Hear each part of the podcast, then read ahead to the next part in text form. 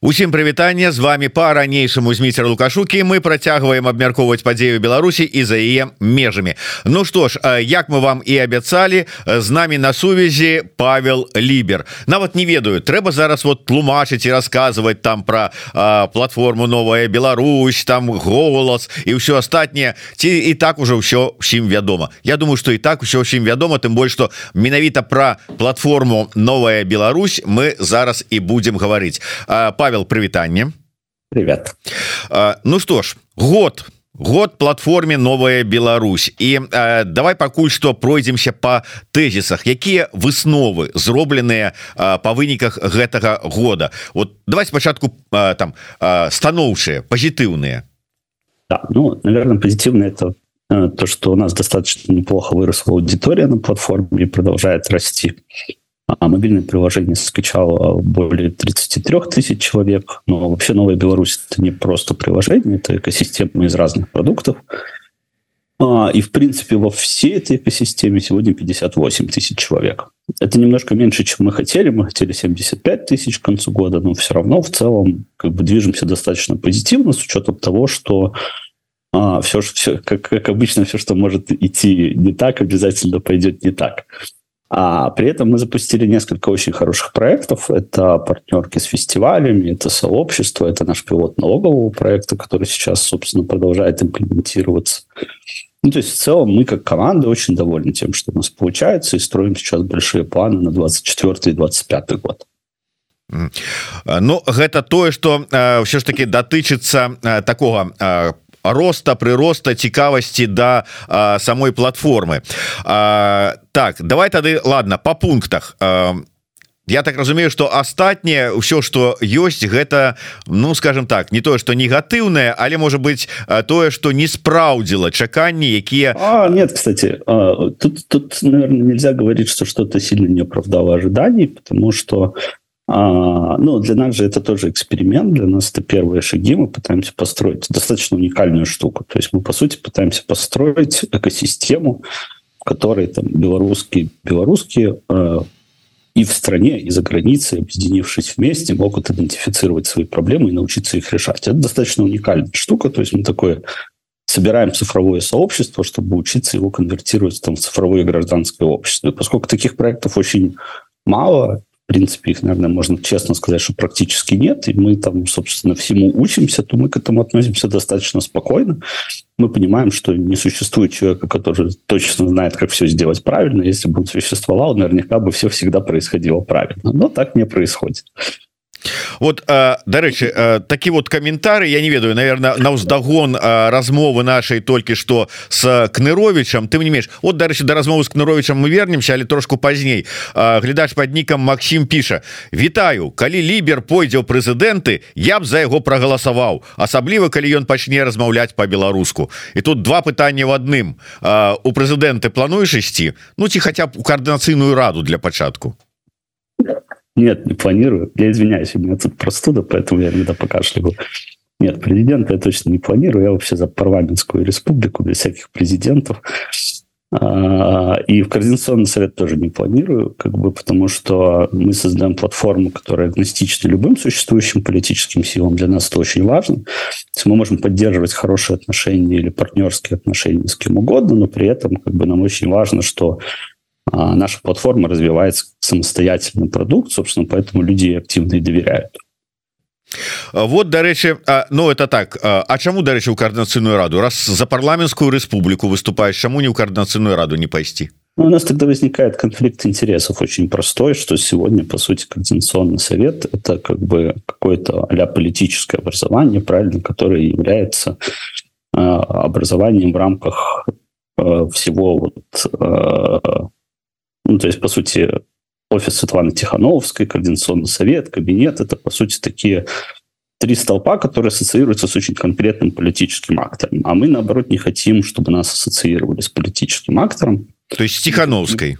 Да, с Тихановской. Как бы, несмотря на то, что я очень уважаю Светлану лично, я очень уважаю многих людей в ее команде, но мы как платформа все-таки хотим оставаться независимыми, и, соответственно, тогда возникает конфликт интересов, что сегодня ты приходишь в координационный совет, завтра координационный совет уже хочет чтобы платформа адаптировалась под нужды координационного совета. А мы считаем, что любая политическая организация – это просто инструмент в руках гражданского общества, и, соответственно, как бы сначала нужно научиться быть гражданским обществом, потом разбираться с политическими организациями.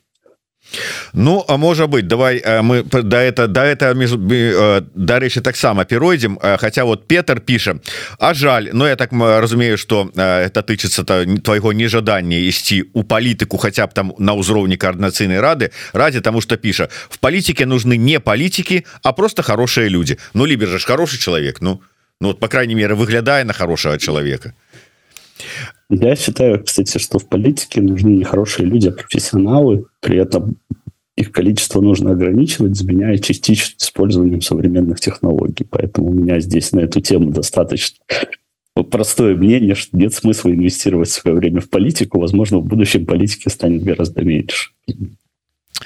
Так ну абышоў пытанне конечно калі ён пачне размаўляць по-беларуску Ну ладно. Я намагаюся як могу я у цютары пишу ўжо на беларускай мове але доўга казаць складана таму я выбачаюся але гэта яшчэ ў працэсе. Ну спішым гэта на хваробу Павла вот он прыхварэўшы у яго не мае няма сілашча але тым не менш вот дарэчы ты апублікаваў такі ну назовём то праграмны пост у сябе ў фейсбуку дзе распісаў такія і пазітыўныя і негатыўныя і і просто как бы вынікі такія дзе працы платформы за год под шосты пунктам ідзе. Хоць мы дастаткова зразумела сепарыраваны ад любых палітычных лідараў і працуем самастойна і незалежна нас усё одно перыядычна адносяць то да офіса ціхановскай то да аб'яднанага кабінета не офіс не кабінет не маюць ніякіх інструментаў уплыва на нашу платформу. Что сапраўды вот гэта так актуальна Ну здаецца ж працуюць і працуюць А, на самом деле, я могу сказать, что достаточно часто нам задают вопросы про связь, собственно, с политическими акторами, и журналисты, и гражданские активисты, а, и, и собственно, наша какая-то нейтральность платформы, она достаточно важная для них. И при этом, как бы, я как я уже сказал, мы в достаточно хороших отношениях с любыми политическими организациями, но мы предпочитаем строить с ними технологические партнерства. Например, мы помогли кабинету и запустили опрос на платформе «Голос» о том, какому количеству людей потенциально нужен новый белорусский паспорт. И эти результаты были использованы, чтобы показать его там, Евросоюзу, чтобы показать подрядчикам, которые будут печатать первые образцы и прочее, прочее. Ну, то есть это очень простое партнерство. Они спросили, мы согласились. И вот такие рамки нам очень нравятся, потому что, как я уже сказал, как бы наша задача учиться строить гражданское общество, оно само потом решит, а, насколько, э, собственно, для них важен, важна наша связь с политическими акторами. Может быть, вся платформа проголосует, чтобы мы там пошли и стали платформой офиса Тихановской. Да, и это будет тогда решение гражданского общества. Но это не должно быть наше решение, поэтому мы очень сознательно сепарируемся от политических акторов. Калі прыгадаць пачатак дзеяння платформы то яшчэ паралельна с платформа новая Беларусь гучала такая назва digital Беларусь лічбавая Беларусь лічбавая дзяржава і я памятаю як мы с тобой у першых наших эфірах з гэтай нагоды яшчэ там разважалі про вот як тут будзе пабудавана як она будзе гэтая лічбавая дзяржава віртуальная Беларусь выглядаць. Ўсё адмовіліся ад гэтай ідэі нет мы не отказались полностью просто на самом деле мы понимаем что мы еще функционально на пути к тому, чтобы закрывать все компоненты, ну, такой виртуальной Тут проблема с названием цифровое государство в что оно очень непонятно. И когда мы начинаем как бы говорить про него с людьми, то получается, что все думают, что это что-то сложное про политику, а от политики все уже устали. Да? А когда люди приходят на платформу и начинают видеть, что там есть какая-то реальная польза для этих людей, то, собственно, оказывается, что все гораздо проще, и, и, и это про тебя личное решение твоих проблем, а не про какие-то очень сложные абстрактные вещи. Поэтому, во-первых, мы быстро перестали говорить про цифровое государство, потому что мы функционально еще не там, и очень, это очень сильно смущает людей. Мы начали больше рассказывать про наши проекты, про пользу этих проектов.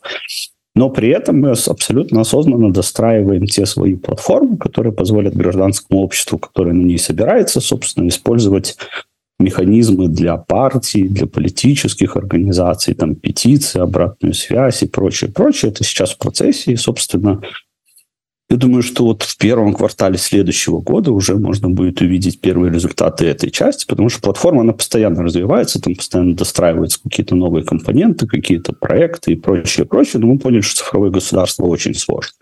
Мы сейчас вообще думаем, не переименоваться ли, потому что оказалось, что все-таки новая Беларусь – это термин, который используют все, в том числе там и наши политические акторы очень активно. И все равно путаница возникает, потому что есть там у Центра новых идей Новая Беларусь, есть там Тихановская Новая Беларусь, есть у нас Новая Беларусь. Мы думаем, что, короче, поспешно мы из Digital Беларуси решили стать новой Беларусью. Возможно, нужно, знаете, как-то Галя отмена. Ну да, может быть, не, не час яшчэ не готовая.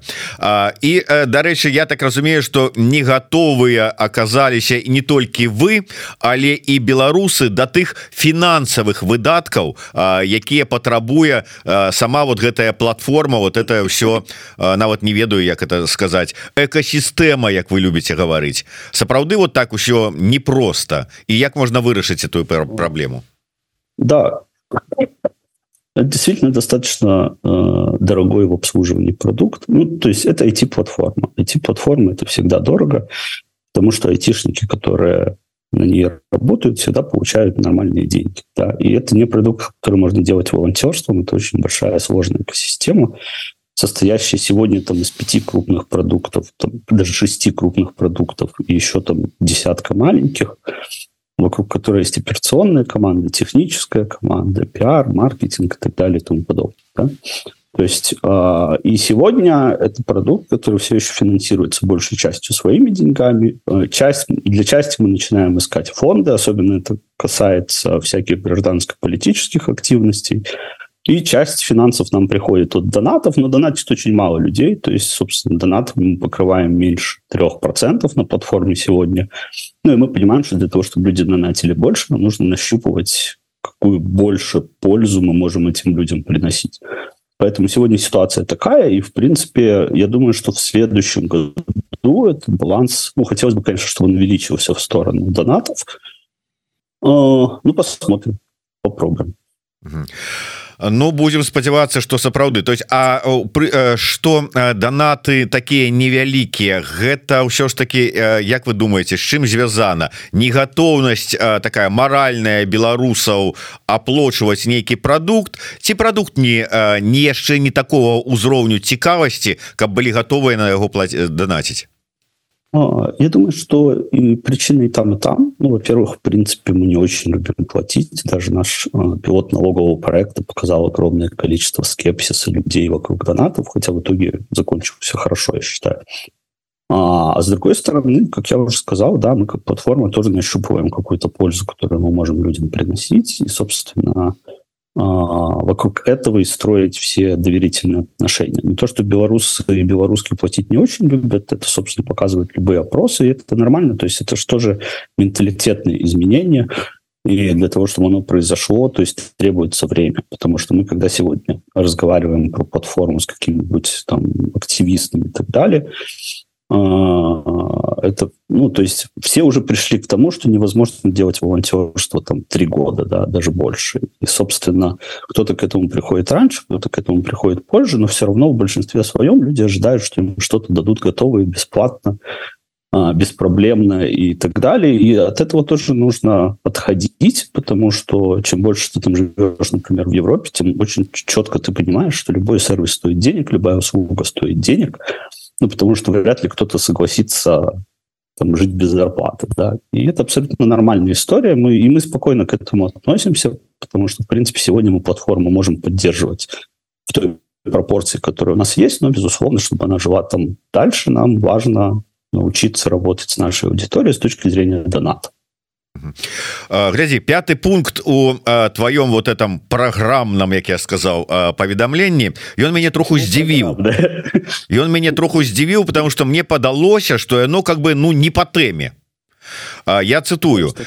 Мы не оценили стомленасці скепсіс людзей у павесцы звязанай з палітыкай і грамадзянскай супольнасцю сёння існуе вялікі разрыв паміж тым что адбываецца ў палітычным полі і тым як гэта уплывае непасрэдна на чалавека і гэта скарачэнне наша важнейшая задача чакай А ну как бы прычым тут вы і прычым тут ваша платформа? Ну ці айцішнікаў гэта справа некую вот ты разрыв паміж палітыкай грамадзянскай супольнасцю і чалавекам скарачаць?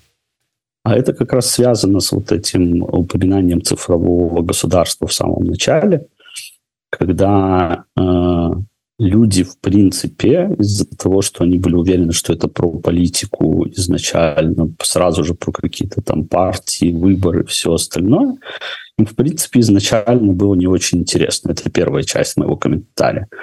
А, а вторая часть моего комментария скорее про то, что куда мы идем, да, что мы идем, чтобы стать вот этим промежуточным слоем, между гражданским обществом и лидерами, которые будут у этого гражданского общества или которые сейчас есть у своего гражданского общества. Потому что сегодня мы там видим очень явный разрыв.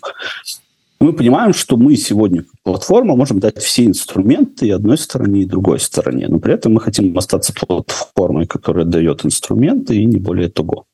Uh-huh. Яшчэ з такого что не не атрымалася зрабіць ты пішаш мы не змаглі за гэты год запустить платежную сістэму да. мы калі колькі с тобой говорили там постоянно прыходзілі каментаторы якія пыталіся Ну калі уже там платежную сістэму запусціце і якая гэта будзе там талер там ці яшчэ что-небудзь гэта сапраўды так важно А вот у чым важнасць і у чым праблема Чаму не атрымалася Знаете, это важно для людей которые находятся внутри страны потому что э, мы понимаем, что сегодня все транзакции белорусских банков, они под колпаком у режима, а иностранные банки перестали открывать э, счета для людей из Беларуси. А для тех, кто за границей, это не так важно. И наша проблема была ровно в том, что у нас было два партнера, с которыми мы готовы были запускать эту программу. Но когда началась война, когда начали вводить санкции, то, соответственно, а, они достаточно сильно затянули рассмотрение, собственно, там, наших заявок, и потом это все зависло на то, что, том, что начинается называется compliance check, это когда юристы там взвешивают все за и против и пытаются понять, стоит им все-таки работать с белорусами и белорусскими или не стоит. Вот оно в таком состоянии висит уже очень давно.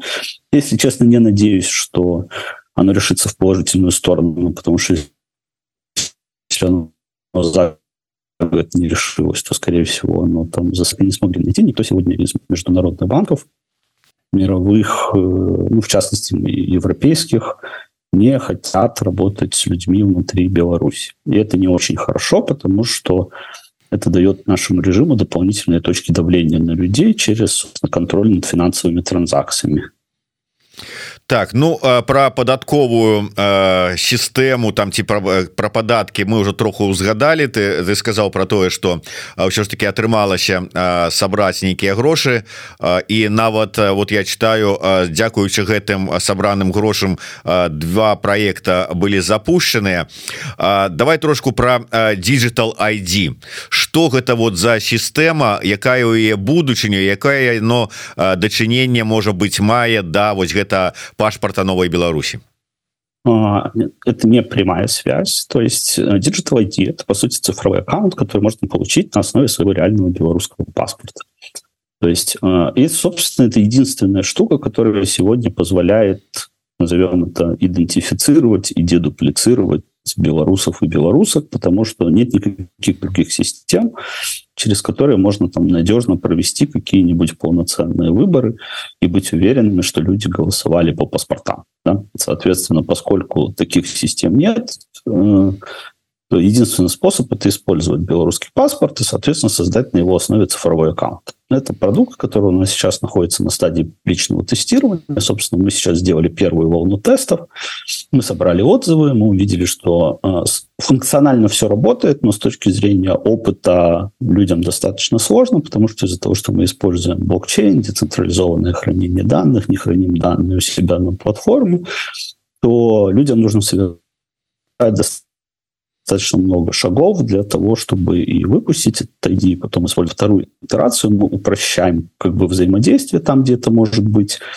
И, собственно, будем запускать вторую волну тестирования, скорее всего, сейчас во второй половине декабря, для того, чтобы этот механизм отточить. Очень важно понимать, что это просто механизм. То есть, на самом деле, он очень актуален для каких-то глобальных электоральных ивентов. Он менее актуален для каких-то вещей на платформе, которыми можно воспользоваться прямо сейчас, потому что, в принципе, мы не хотим запрещать пользоваться каким-то функционалом, если человек там не выпустил себе ID на основе паспорта. Да? Но при этом для политических, электоральных и прочих событий, которые вот мы достраиваем в параллели с этим проектом Digital ID, это очень важный механизм, как мы можем, я уже сказал, идентифицировать и дедуплицировать людей без хранения данных у себя при этом.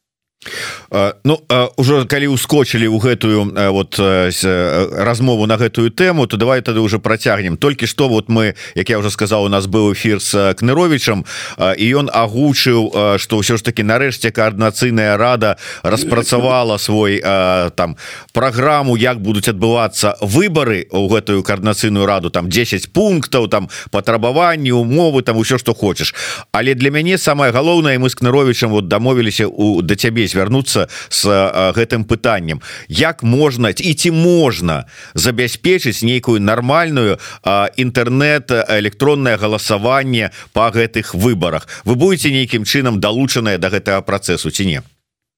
Мы сейчас общаемся с координационным советом чтобы понять конфигурацию выборов их структуру требования. Это прямые выборы или выборы через организации или это какие-то там смешанные потому что в зависимости от этого могут быть разные варианты решений.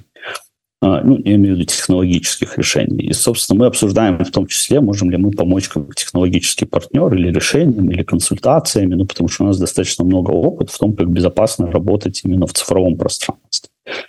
Это, это пока еще обсуждение, то есть поэтому отвечая гипотетически, да, гипотетически, безусловно, можно придумать механизмы, через которые можно будет людям и внутри страны, и снаружи принять участие в выборах. При этом где будет тот самый консенсус между анонимностью с одной стороны и уникальностью с другой стороны и безопасностью для людей внутри страны, это все очень сильно зависит от конфигурации выборов. И, собственно, когда будет понятна эта конфигурация, будет понятно, какое может быть техническое решение под это.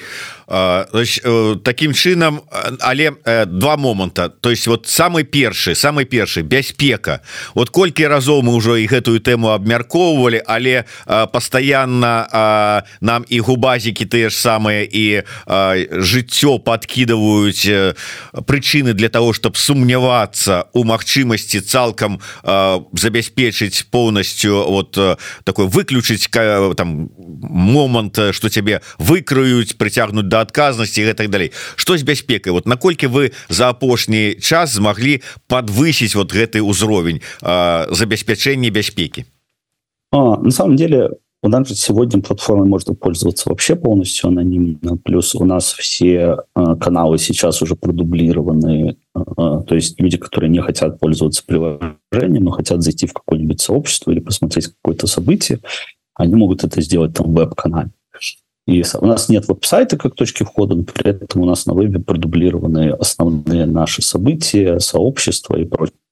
и прочее, специально для большей безопасности. И мы постоянно улучшаем этот канал, как я уже сказал. Из-за того, что платформой можно пользоваться анонимно, то, в принципе, а, а, а, нечего красть именами, с вымышленными картинками. Очень, очень, очень сложно кого-то задержать в такой конфигурации. Как бы, когда будут выборы, опять же, как я уже сказал, очень сильно зависит от конфигурации выборов и степени э, анонимности, неанонимности при участии в этих выборах. Тут есть различные варианты решения, как можно использовать Digital ID на основе белорусского паспорта, можно использовать ну, в принципе, можно использовать те каналы, которые мы использовали в 2020 году, собственно, потому что там появилось какое-то количество знаний. А, то есть, если, если люди вам слали бюллетени, значит, а, как минимум их там идентифицировали, идентифицировали на избирательных участках, если они, конечно, не участвовали во всяких каруселях и всем остальном. Да? То есть поэтому, как я уже сказал, зависит от конфигурации, и, и эта конфигурация будет определять компромисс безопасности. Почему я говорю слово компромисс?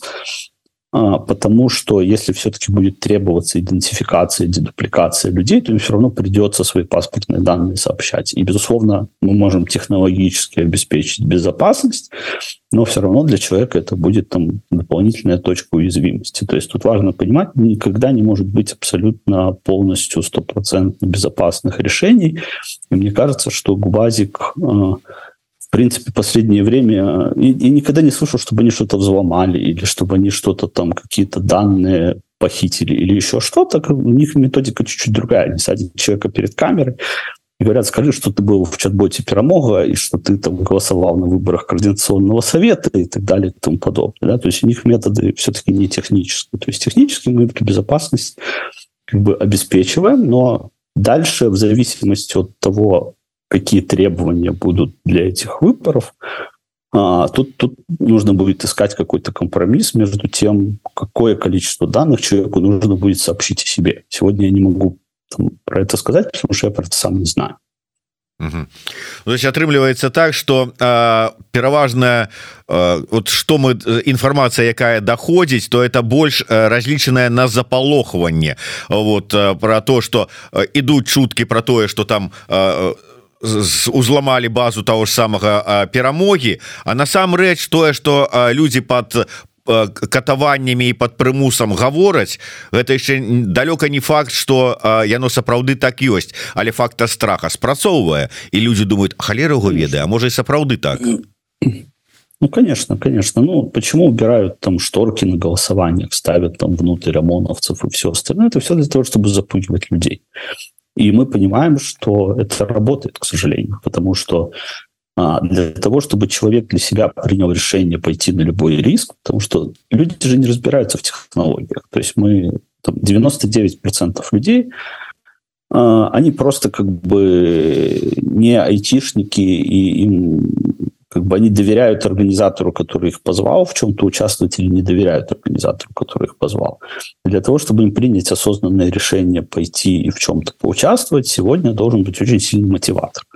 Поэтому мне кажется, что а, помимо платформенных, технических и айтишных вещей очень важно понимать ответ на вопрос, как бы для чего обычный человек пойдет участвовать там, в выборах, в тот же самый координационный совет, например, как это изменит его личную жизнь, то есть готов ли он обменять какой-то свой страх на, на действие. Да, вот для того, чтобы он мог обменять страх на действие, у него должен, должно быть очень четкое понимание, как бы для чего он это делает. И а... это вопрос уже не технический.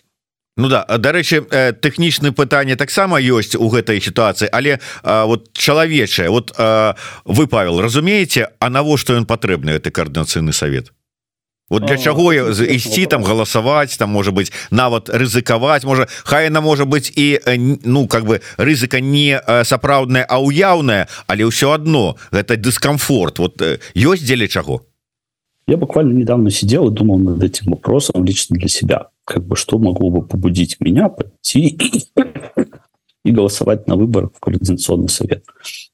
И я понял, что, наверное, вот если бы это вот, не знаю, были перевыборы там текущего Координационного совета, я бы не пошел, потому что я не очень понимаю, а, как, он, как он влияет на мою жизнь. Да? Или я не очень понимаю, как он собирается это делать, я не видел там их программы, всего остального. Но я очень четко понимаю, что какие-то действия совершают люди, если буду видеть каких-то действительно интересных людей с интересными программами или организации с интересными программами, в которые я буду верить, и которые будут как бы идти и искать там поддержки через вот координационный совет, то я, безусловно, пойду и буду голосовать, потому что я буду доверять либо людям, либо действиям, которые за этими людьми стоят. То есть сегодня я не вижу там программ действий, как правило, либо они плохо доносятся, либо действительно как бы я их не вижу. Но если они не доносятся до меня, которые, в принципе-то, находятся во всем этом пузыре, там, а, вокруг демократических сил и прочего-прочего, то я уверен, что до обычного человека где-нибудь в Беларуси не доносятся вообще. Соответственно, как бы а, для меня мотивация будет интересные люди, интересные действия. І вот а, тут тэхнічны момант. Калі мы прыгадываем платформу голас і колькі людзей а, у ёй узялі удзелы прагаласавалі ў двадцатым годзе а, чыста тэхнічна тады ўсе сМ пісалі про платформу голас давалі на яе спасылку заклікалі людзей узяць удзел у гэтым альтэрнатыўным галасаванні. І да людзей інфармацыя доходзіла зараз не толькі платформа голас экстрэміская там некая там фармаванне і але ўсе сМ таксама. І люди нават боятся ну для іх это небяспекай тому гэта зразумела нават на телеграм-каналы сМ зайсці то каб почытаць а не тое что злавіць там яшчэ на віну про новую магчымасць якой нейкай платформы дзе можна прагаласаваць узяць удзел у галасаванні за коорднацыйную раду і потым яшчэ пайсці туды і там прагаласаваць. Это там тройная нейкая небяспека. Вот тэхнічна ёсць магчымасць дайсці калі параўноўваць тым же самым двадцатым годам? Ага, смотрите технически возможность всегда есть потому что у А, голос рос за счет сарафанного радио. То есть писали СМИ, писали блогеры, но гораздо а, больше внимания продукт получал, потому что люди делились им друг с другом, друг с другом, потому что не верили в этот продукт. Да? То есть люди своим бабушкам, дедушкам а, покупали эти смартфоны и объясняли им, как пользоваться Вайбером и Телеграмом, чтобы они могли там послать бюллетень. Ну, то есть это было вовлечение всего общества. Очень важно. Это произошло не только через СМИ. То есть СМИ, они дали общую информационную поддержку, но если бы люди в это не верили, если бы люди не делились между собой, как бы, соответственно, охват был бы меньше. А, здесь та же самая история. Если Координационный совет а, сможет объяснить людям, как, бы, как он влияет на их жизнь, если там будут интересные люди, если там будут интересные действия, и общество в это будет верить, тогда, безусловно, произойдет точно такой же шаринг а, этой информации на горизонтальном уровне, помимо СМИ, помимо телеграм-каналов, а просто люди будут это рассказывать друг другу, и будет достаточно хороший охват. Поэтому я думаю, что, безусловно, сейчас ситуация хуже. Я бы не ожидал и близко результатов, которые были в голосе, потому что тогда не было фактора страха, тогда был большой фактор надежды. Тогда э, люди не боялись рисковать, потому что они ожидали, что скоро все изменится к лучшему. Сейчас все по-другому. Поэтому я бы очень реально здесь смотрел на вещи, я бы не ожидал больших охватов. Э, и в этом нет ничего страшного, потому что, в принципе, как бы я считаю, что если человек не хочет рисковать или боится, или действительно может, у него могут быть проблемы, и при этом он не видит для себя пользу какого-то действия, лучше это действие не совершать, лучше быть в безопасности. Ну дарэчы про шаринг а, і ўсе астатнія там подпіски а, а, там націсканні на званочек напісанне каментароў і ўсё астатніе па-першае все ж таки подпішыцеся зайдзіце паглядзіце закачайте сабе на телефон платформу новая Беларусь раю маю сам у гэтым у сябе ў телефоне і постоянно адсочваю ну прынамсі цікавыя ім івенты канцэрты мерапрыемствы і все астатніе что ёсць ёсць ва ўсім свеце Праўда не до конца разабраўся як самому туды новую падзею дадаваць але это відаць просто не было часу у мяне асабліва але гэта можна рабіць таксама. Ну і безумоўна подписывайтеся на YouTube канал еврорадыо про шаринг і яго значнасць Павел уже сказаў. Так что расшарвайте Павел я ну па-першае ось Грыша шарапаў піша. Дарэчы платежную сістэму вельмі трэба. Бо ёсць патрэба перавозіць грошы напрыклад рамеснікам у Беларусь. Праблема немалая. Ну Павел разумее выдатна что это праблема что это патрэба. І про тое что працуюць над гэтым і гэта не адкінутая як ідэя про это ўжо Павел казаў. Да.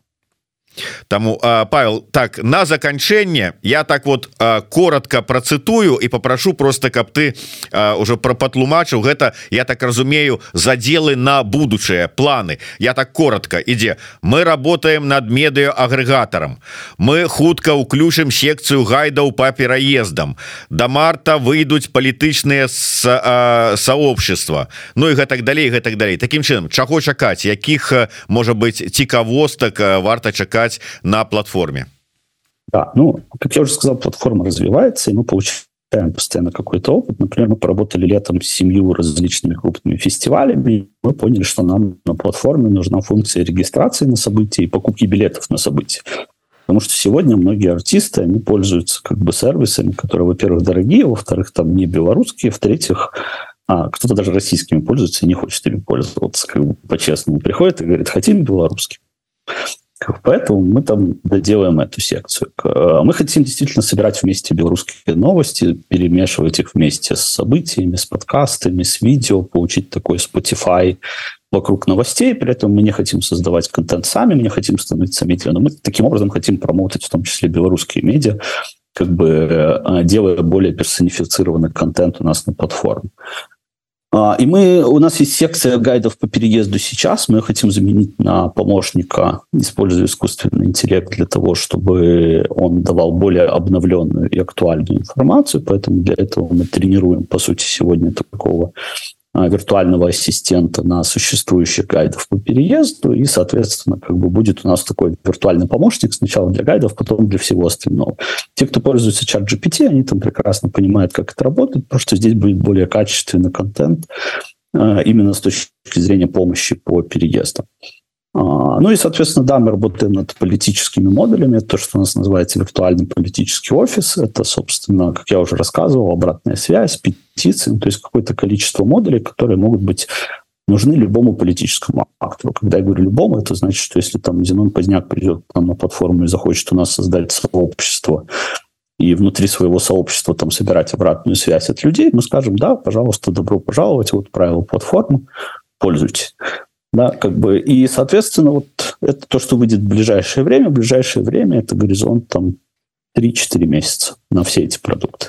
Дарэчы вось то что апошнее там как бы на на прыкладе Зянона станиславовича было сказано гэта у прынцыпе адказ на а, так с каментар якую напісаў Саша лялёка перш-наперш трэба распрацоўваць каналы сувязі паміж людзьмі бяспечныя і простыя вот это можа стаць таким каналам сувязі да, да конечно. Это будет стандартная функция. а, для любой организации, не только политической, достаточно качественные модули по обратной связи, по петициям, по там, записи на события эти, этой организации с нужной степенью анонимности, то есть мы всегда не забываем про безопасность и анонимность во всех наших продуктах, но это вот как раз модуль, который может отвечать на этот вопрос.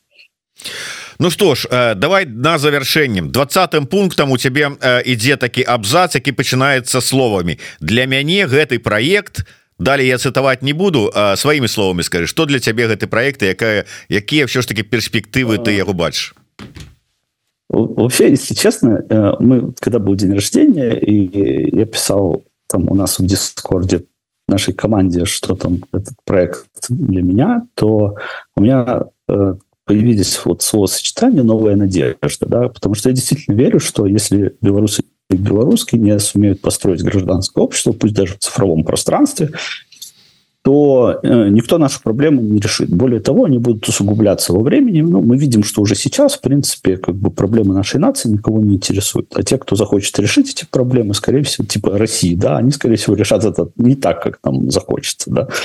И поэтому нам нужно учиться решать их самостоятельно. Я вот за три года так и не понял, как это сделать другим способом, кроме того, чтобы вот действительно начать это делать самостоятельно, пусть даже в цифровом пространстве. Ну, потому что санкции не работают. А, Госдеп, как бы Евросоюз, все остальные, они как бы сочувствуют, но сочувствия в наше время как бы недостаточно. Они помогают финансово гражданским активистам, за это им большое спасибо, но этой помощи тоже недостаточно. Соответственно, мы находимся в очень простом тупике, когда если мы сами что-то не делаем, то никто этого не делает, либо это делают не так, как это нужно нам. И для меня этот продукт – это такая вот новая надежда, как, собственно, э, белорусская нация может себя сберечь, может научиться решать свои проблемы, пусть даже в цифровом пространстве. Тут на фоне должна играть музыка из «Звездных войнов», потому что «Новая надежда» – это, в принципе, оттуда, но вот как бы у меня вот голове это собирается вот так. Вот да любите вы вот э, на вот я прыгадываю у э, так у гэтай здаецца кнізе дзе ёсць от нацыянальная ідэя от Павла лібера там таксама вот такія вобразы ідуць і і у яго калегі лихачеўскага таксама вобразы такія з фільмаў прыгожа ідуць. Дарэчы кай ласка яшчэ ёсць невялікая колькасць кніжак дзе ёсць і па нацыянальнай ідэі от Павла лібера і дарэчы от лихачеўскага ягонага паплечніка а кампаньона Павел на заканчэнне коротко просто чалавек вельмі цікавіцца. Як карыстацца чатам GTP у Беларусі? У мяне не атрымалася. Можно коротко отказать Ну, скоро можно будет через платформу Новой Беларуси, на самом деле, потому что у нас ассистент будет построен на базе как раз таки чата GPT последнего. А, даже не придется платить, по сути, это напрямую. А, а так можно пользоваться обычно через VPN. Ну, то есть, как минимум, у меня знакомые пользуются через VPN, работает. Дякую вялікі Ну что ж я думаю что варта сачыць за тым что адбываецца якія абнаўленні і увогуле что там даецца на платформе новая Беларусь таму яшчэ раз звяртаюся до вас с прапановай скачать сабе гэтую гэтую платформу гэтую такую вот вельмі цікавую штучку каб можна было сачыць Ну прынамсі як я гэта раблю за там пэўнымі навінамі культурніцка плана. Дякую вялікі Павел. Я спадзяюся что убачымся і паговорым яшчэ про тыя навінкі якія вы цікавосткі рыхтуеце да этой платформе Ну і спадзяюся что беларусы адгукнуцца і донатамі падтрымаюць вашу працу тому что сапраўды на энтузіазме доўга не працягнеш. І не все на, на, на адпаведным узроўні зробіш тое что трэба зрабіць. Дякую вялікім. Павел лібер распрацоўшчык платформы новая Беларусь і зміцер лукашук працавалі для вас. Жыве Беларусі добрых выходных. Жыве вечна